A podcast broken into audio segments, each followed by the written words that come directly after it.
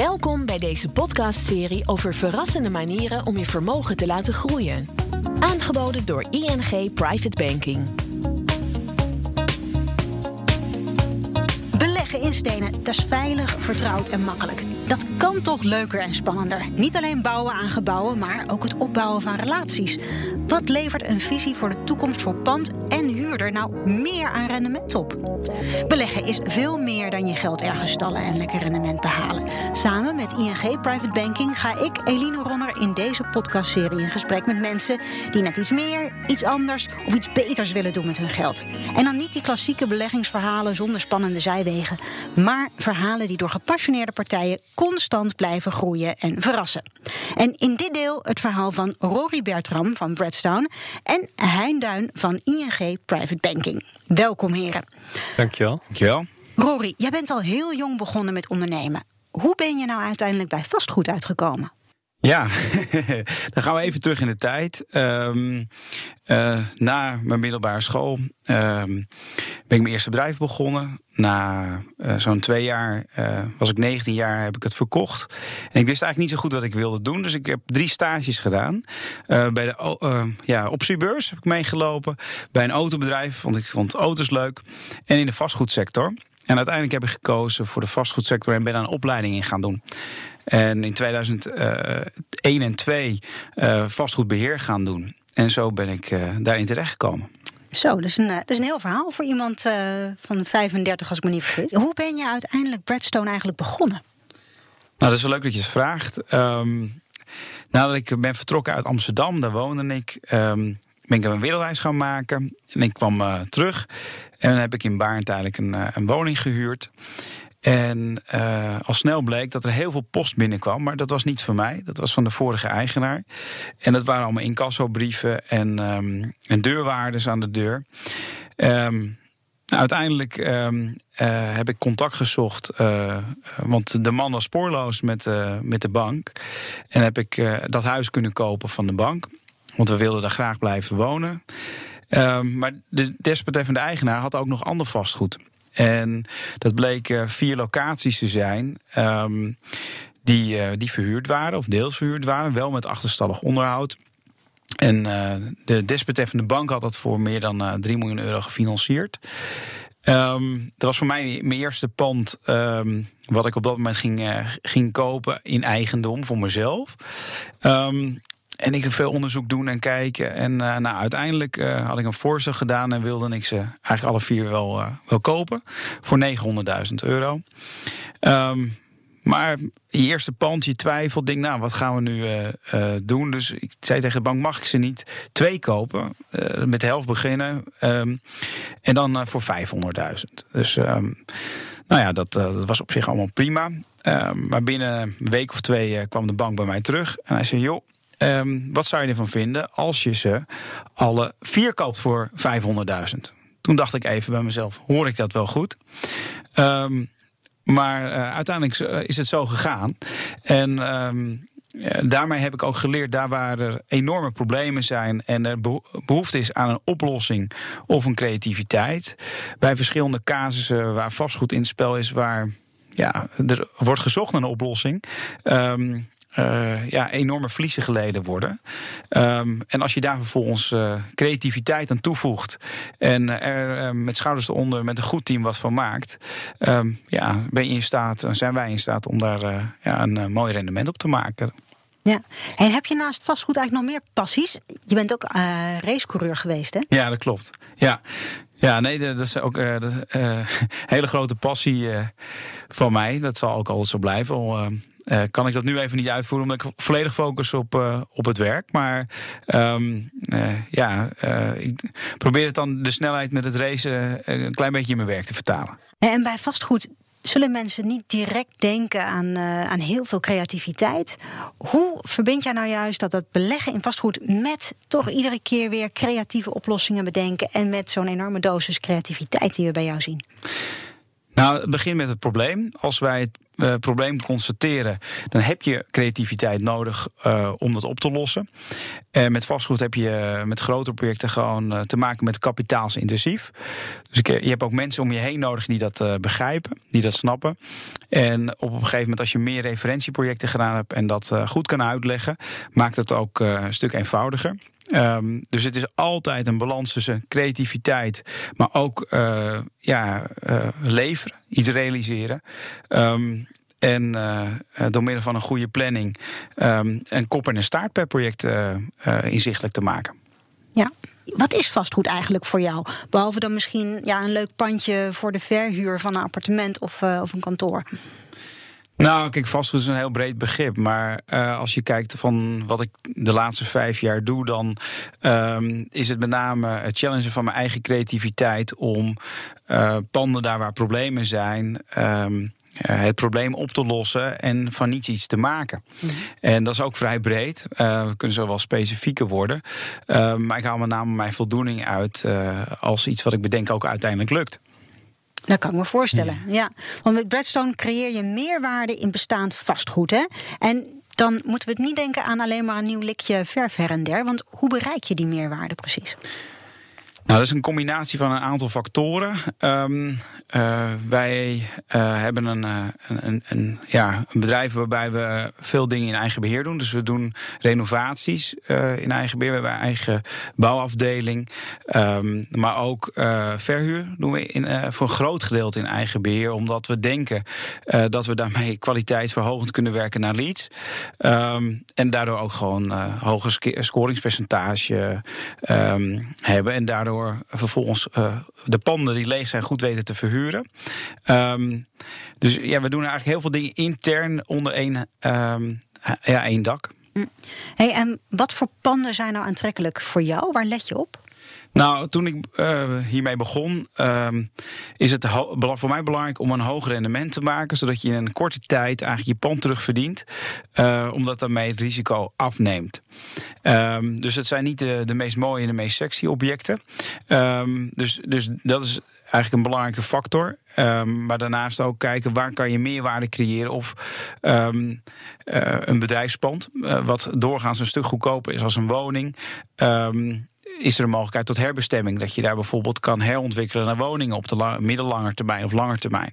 Dus dat soort um, uh, redenen eh, zijn allemaal eh, voor mij van belang om een overweging te maken of iets aankopen, ja of nee. Ja, dus het zijn eigenlijk panden waarvan anderen denken, nou, dat is niet zo aantrekkelijk. Maar jij ziet er iets in. Ja, ja dat klopt. Ja.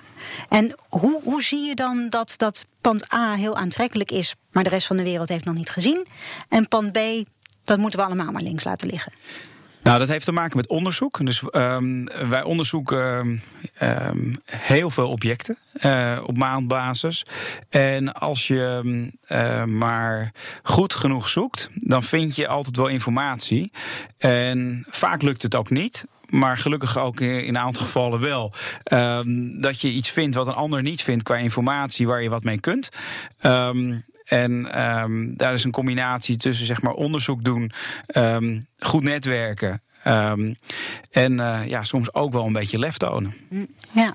Hey Hein, wat voor verschillende manieren van beleggen in vastgoed zijn er eigenlijk?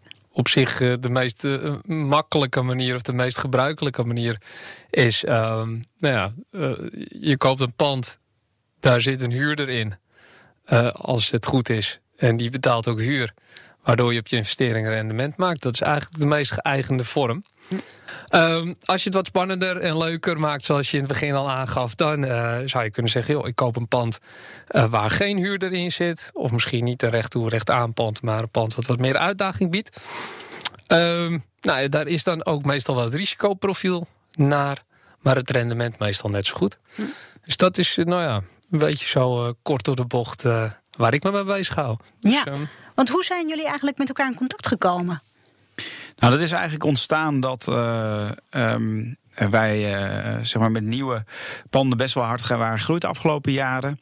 En ik een tussenpersoon heb gevraagd om mij te begeleiden in een uh, financieringstraject. En die heeft me toen geïntroduceerd bij um, ING. En zo zijn Hein en ik met elkaar in contact gekomen. Ja, Hein, probleem vastgoed klinkt toch niet zo heel erg aanlokkelijk om in te stappen als investeerder.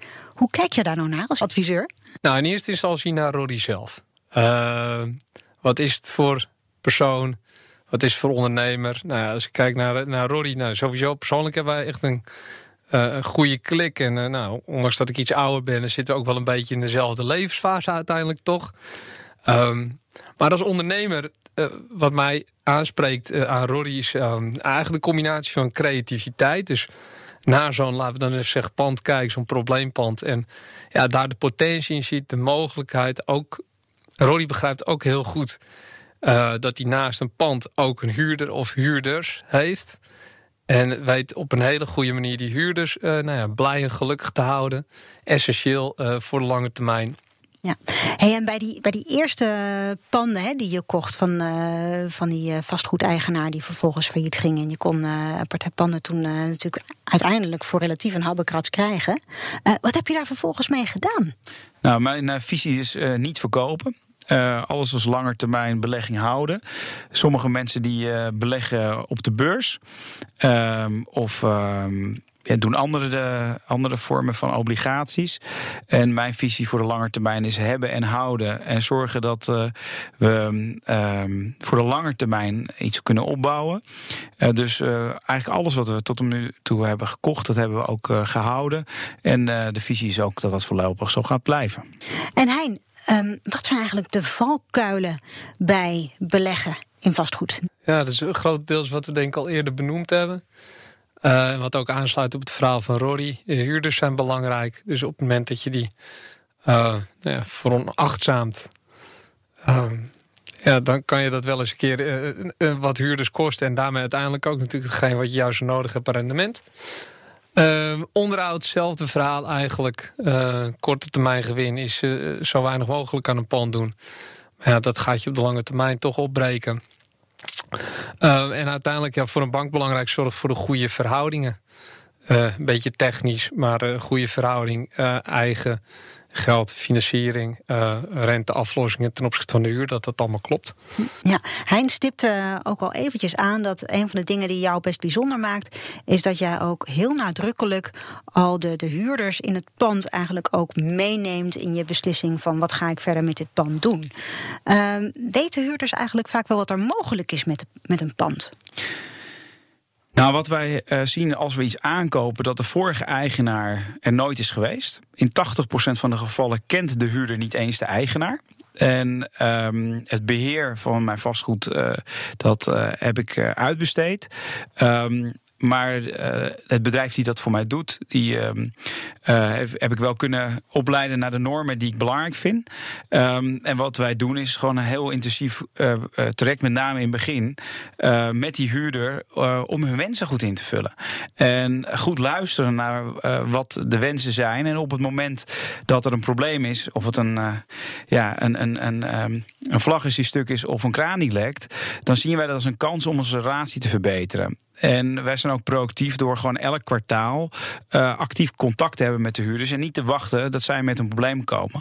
Op die manier uh, hebben wij als team zijnde gewoon een andere relatie tot onze huurders. En um, uh, gaan we het meer op een hospitality niveau benaderen dan SEC op de traditionele manier. Hey, en um, je hebt ook allerlei specifieke en flexibele huurcontracten en constructies uh, begrepen.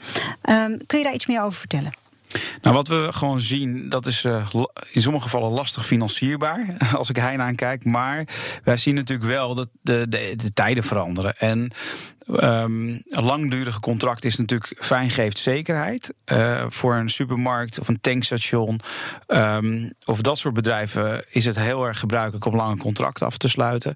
Maar als je naar start-ups kijkt, als je kijkt naar um, de bedrijven die echt in een groeifase zitten, waarbij ze niet weten hoe ze er over een jaar bij zitten, willen ze geen langdurige contracten tekenen.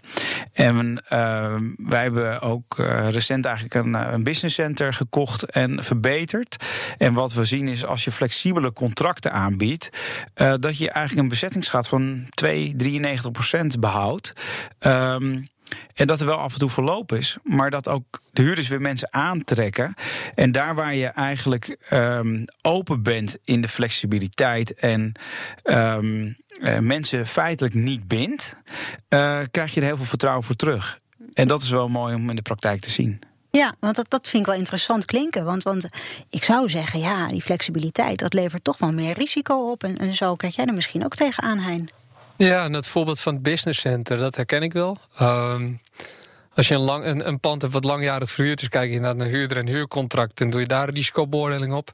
Zo'n business center is veel meer een concept wat je waar je iets van vindt en uh, waar je een goed gevoel bij hebt, zeg maar. En dan, ja, dan, dan kan dat ook prima met wat, wat, wat kortere contracten, wat gebruikelijk is bij dat soort uh, constructies, omdat het concept gewoon heel erg goed is. ja. ja. ja. En dan kun je er ook wel op vertrouwen dat er toch wel weer steeds, wat je, wat je zegt, dat een, dat een huurder weer een nieuwe huurder aantrekt. En dat zo je bezettingsgraad toch op peil blijft. Ja, en het is natuurlijk ook een combinatie. Um, je kijkt naar historie. Hè, net als met een hotel. Uh, wat is de gemiddelde bezetting over de afgelopen periode? Wat voor mensen zijn het die dat da uh, daadwerkelijk doen?